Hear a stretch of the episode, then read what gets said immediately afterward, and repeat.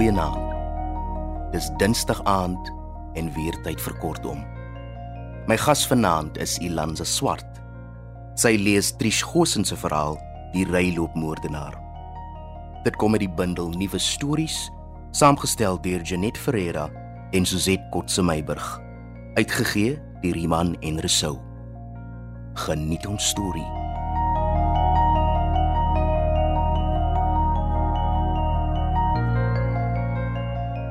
Kom ek vertel jou die storie wat my lewe vir altyd verander het. Die eerste keer dat ek 'n ryloper opgelaai het, was ook my laaste keer. Daardie Vrydag aand was daar nie skemer nie. Dit was skielik net nag. 'n Besonder koue nag. Die donker het saam met sterk vlae ysige reën gekom. Ek was op pad Vredendal toe om my ouers se huis en hul babas, die twee bedorwe langbeenpoedels Brollox en Bittergal te gaan oppas vir die naweek, toe die storm my oorval. Ek en my vriendin Bianca het net na werk uit Belwel vertrek. En ek het haar so 'n kwart voor 7 by haar ouers se huis op Dwarskersbos afgelaai. Mariet, wil jy nie maar oorslaap nie? Ag toe man. Vredendal is dan nog so ver, het sy bekommerd gevra toe ons weer buite by my grys karretjie staan. Jy kan mos môre vroeg weer in die pad val. Ons gaan 'n snoek braai en my ma het haar aartappelsuurdeeg brood gebak. Daai brood is uit die boeke uit. My mond het begin water. Die gedagte aan oorslaap en 'n lekker kuier saam met die teearts was aanloklik, maar ek was seker die poedels chankel van vroegdag af nadat my ouers vertrek het. Ek het my kop geskud.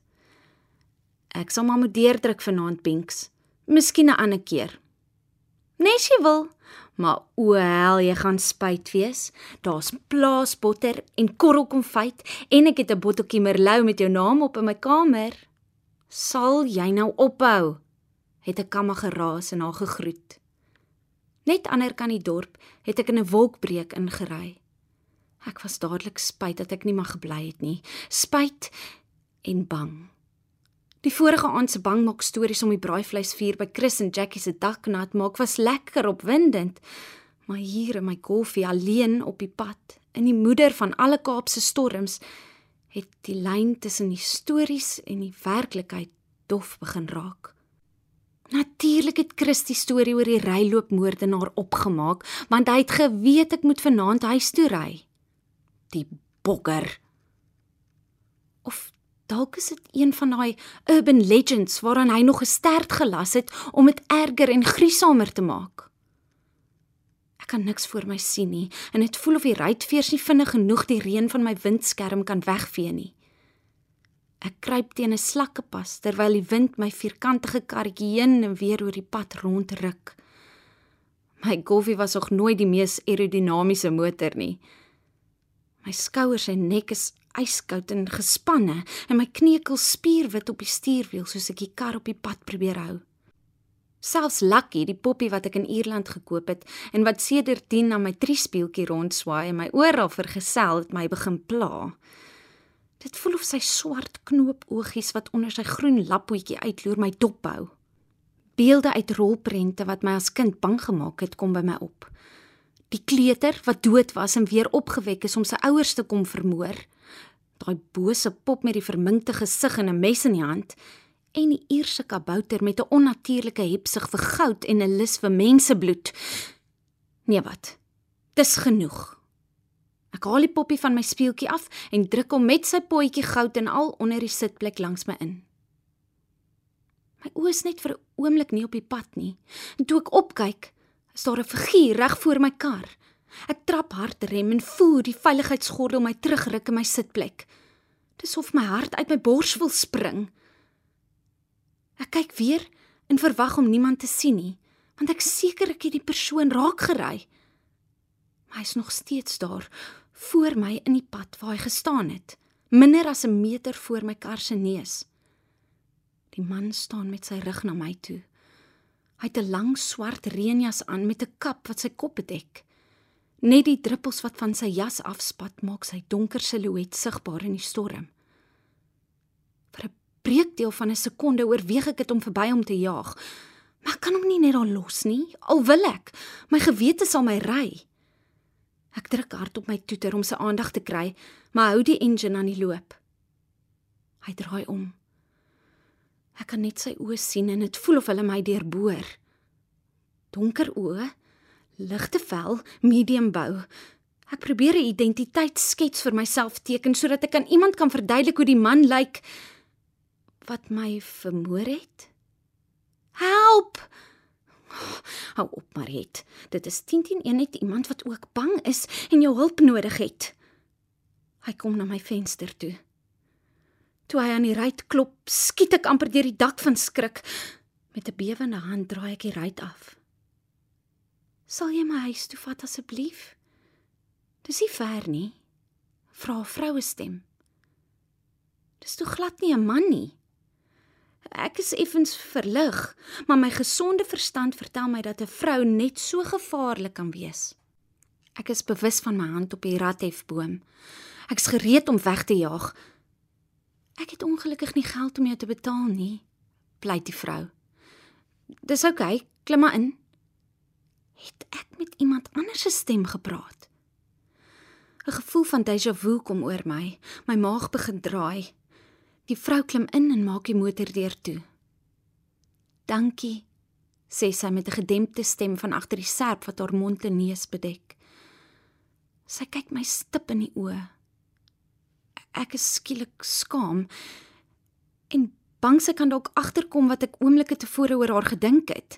Ek kyk vinnig weg en sit die kar in rad. "Waarheen?"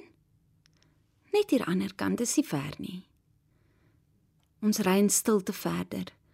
Dit voel soos 'n ewigheid. Die ryloper se hande is netjies op haar skoot gevou, maar ek hou hulle dop. In Chris se storie het die ryloper met 'n skroewedraaier gemoor. Ek reken dat daar genoeg plek onder daai jas van haar is om 'n verskeidenheid wapens weg te steek. Die vlekkies en lyne op haar hande en die plooitjies om haar oë verklap haar ouderdom. Ek skat haar na laat 50s, miskien 60s. Op haar regterhand is 'n letsel. Dit lyk soos twee ou snymerke, parallel aan mekaar. Die boonste een langer as die onderste een. Ek kan nie haar hare sien nie. Die kap wat steeds haar kop bedek is met 'n koord onder haar ken styf getrek en geknoop. Die reendruppels maak poeltjies oral in die voue van haar jas. Dit pla my dat ek nie haar gesig kan sien nie. Wat wil sy wegsteek? Ek is Mariet, sê ek Jesus. Is moeilik om te praat van my keel voel toegetrek. Aangename kennis, antwoord sy na ruk. Ek wag dit sy haarself moet voorstel, maar sy doen dit nie. Die stilte is onuithoudbaar. Toe vra ek sommer of sy getroud is. Ek hoop regtig die antwoord sal ja wees, want 'n getroude vrou met kinders is iemand met wie ek kan assosieer en is moontlik nie 'n geharde misdadiger nie. Ja, hy is 'n polisieman. Ons is al amper 30 jaar getroud. My skouers ontspan effens. Dis mooi, sê ek tevrede met haar antwoord. As ek mag vra, wat het met jou hand gebeur? Oh, ek staarlik spyt dat ek gevra het. Sy kyk stip na my. Haar oë maak my onrustig en haar verskuilde gesig pla my. Daar's iets baie eienaardig, maar tog bekend aan die vrou. Ek ervaar weer die déjà vu gevoel van vroeër. Wel, kom ek sê maar net tik bring die slegste in 'n mens uit. Sy kyk steeds na my en dit voel of haar blik deur my brand. Ek, ek wil eerder nie oor die tik vra nie. Ek het gehoop sy's 'n ouma wat in die week na haar kleinkinders kyk terwyl haar dogter by die plaaslike tandarts as stoelassistent werk, maar die veilige prentjie is vinnig besig om te verbrokkel.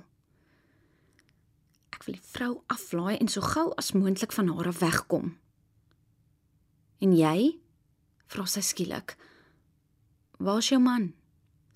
Ehm, um, ek sukkel so bietjie in daai departement, antwoord ek.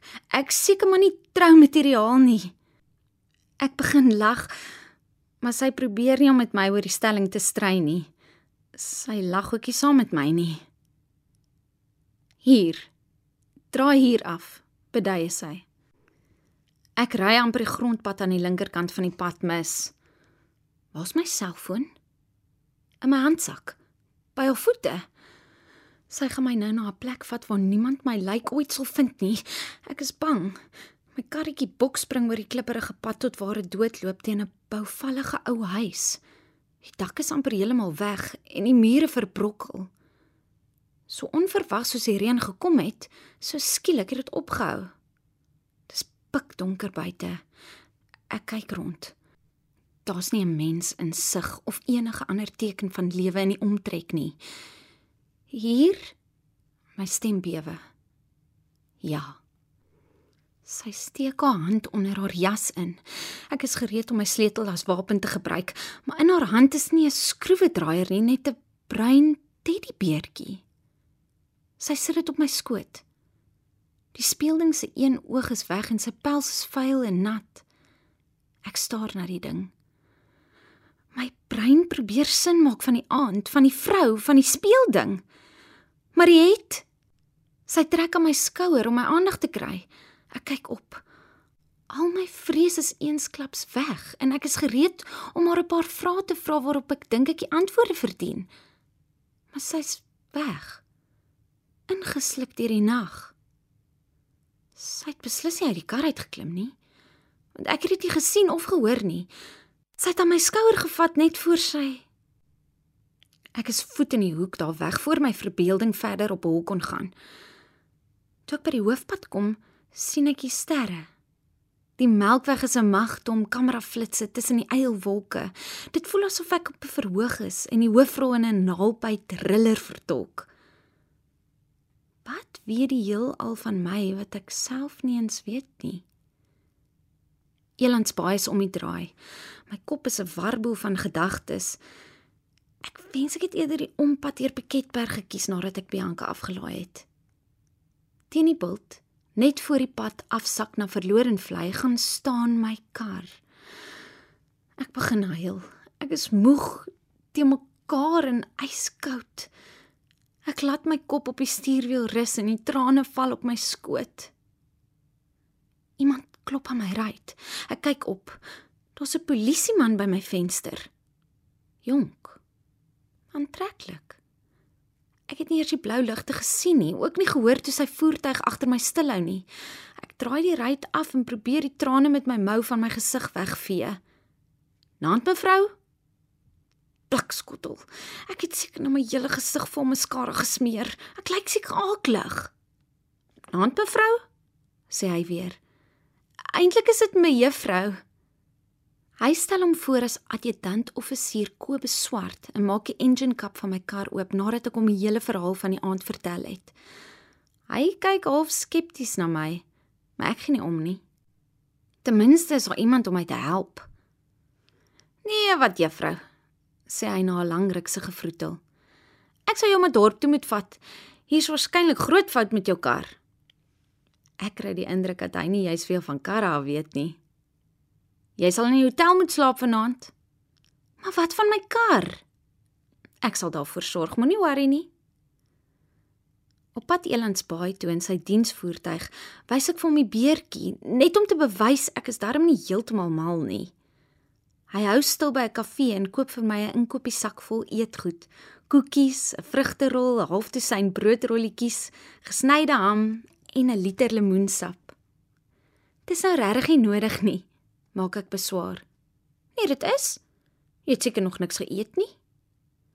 Ek knik en bewonder sy mooi sterk hande op die stuurwiel terwyl ons na die hotel ry. Hy laai my af en beloof om my die volgende oggend te kom haal. As ek die sleutels vir hom sal gee, kan hy en 'n kollega môreoggend vroeg gaan kyk of hulle die kar aan die gang kan kry. Andersins reël hy met 'n garage. Hier is vir jou verblyf. Hy bied 'n paar note aan. Ek skud my kop, maar hy ignoreer dit en bly die geld na my toe uithou. Ons oë ontmoet. Toe ek die geld by hom neem, raak ons vingers aan mekaar. Ek skrik en trek my hand vinnig weg. Hy glimlag. Ek bloos. In gedagtes stap ek na my kamer toe. Ontstellende drome laat my rondrol.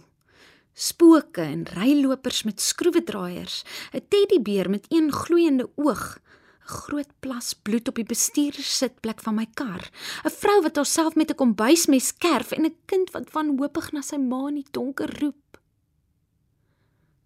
Toe ek nat gesweet wakker skrik, is die kamer sonnig en vrolik. Ek kyk by die venster uit. Die dag is skoon en nuut. Ek sien die onstuimige blou see en die verlate karavaanpark se groen gras. Ek haal my mooiste rok uit my tas. Jy lyk vars vandag. Merk Kobus swart op toe ek by hom in sy kar klim. Hy het nie meer sy uniform aan nie, maar 'n blou T-hemp wat sy blou oë nog mooier laat lyk. Dankie. 'n Ongemaklike stilte volg. Jou kar is reg, sê hy na ruk. Regtig, so vinnig. Wel, ek en 'n kollega somme gisterand nog gou na jou kar toe. En jy sal dit nie glo nie. Hy het my die eerste draai gevat. Maar dis nie al nuus nie. Ek en konstabel Boy is toe na die bouval, want daai vrou het vir my baie dodgy geklink. En raai wat? Daar kry ons toe 'n 5-jarige seentjie wat gistermiddag as vermis aangemeld is. Sy ma was hysteries. Hy's 'n diabetes. Toe ons hom kry, was sy suiker so laag, hy was bewusteloos en half verkleim ook, maar andersins ongedeerd. Ek is verstom. Kan ek jou 'n ongemaklike vraag vra? Hy kyk ondersoekend na my. Ek weet dadelik waarop die gesprek afstuur. Ek sweer, alles wat ek jou vertel het is waar, verdedig ek myself. Stilte. Hy het seker maar besluit om my nie te vra nie. Toe maar, ek glo jou, sê hy dan. Ek dink ek sê maar net volgens die ma is daai beertjie wat jy by jou het syne. Hy vat my na die polisiestasie toe. Ek moet 'n verklaring gaan aflê. Ah, what brings you to the office today, warrant officer Swart? Vra een van die polisiebeamptes agter die toonbank toe ons instap. Môre, konstabel Mgulwa, konstabel Titus. Konstabel Titus knik en lig sy hand om die groet te herken. Ek het die dame van gisterand vir 'n verklaring gebring, sê Kobus. Dit lyk of haar lig vir konstabel Titus opgaan. Ja, ek het vanoggend saam met die laaitjie in die maag gepraat. Die ouetjie lyk oukei. Okay. Hy het aanhou sê van die wit vrou wat hom heel middag opgepas het met die swart jas aan en die merke op haar hand. Ek en Kobus kyk geskok vir mekaar. Miss, seems the mystery lady who got into your car with you last night is not a figment of your imagination after all. Probeer Mgultwa my gerus stel. Ek staarlik 'n bietjie vies vir Kobus. Konstabel Mgultwa wil nog uitbrei toe daar 'n geskarrel by die ingang is. 'n Verslonste middeljarige man strompel in. Hy's onvas op sy voete en sy koorsagtige oë stokstyf in sy kop. Hy swaai 'n mes rond. Ek soek justice. Julle kops is almal korrup, die een slegter as die ander. Hy kap skreeuend links en regs met sy mes na Titus, wat hom intussen versigtig genader het. Die man pyl skielik met die mes op my af. Titus gryp hom aan sy baadjie, maar hy ruk los. Ek bly versteen staan. My bene raak lam.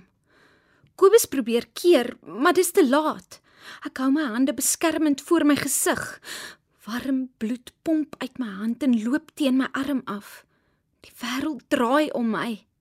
Mgudlwa gryp die man se arm en die mes val op die vloer.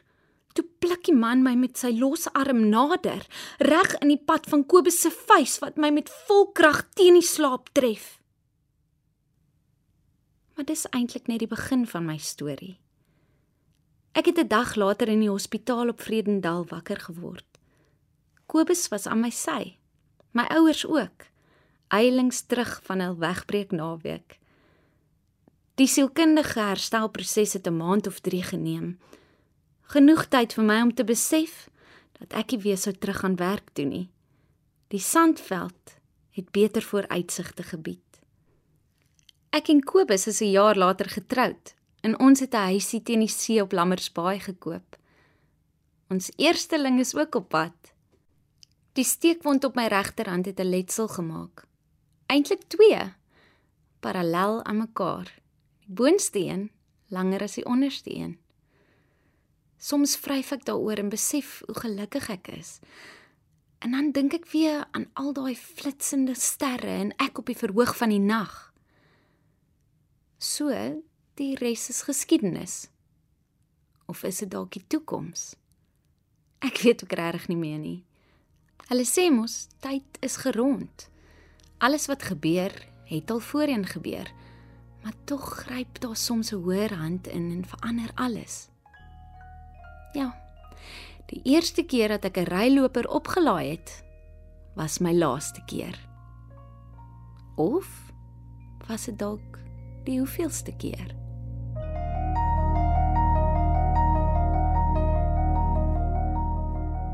Dit was die ryloopmoordenaar, deur Trish Gossen. Baie dankie Ilanza vir hierdie wonderlike voorlesing. Ek groet tot 'n volgende keer. My naam is Dean Bali. Laat dit juig en veilig bly.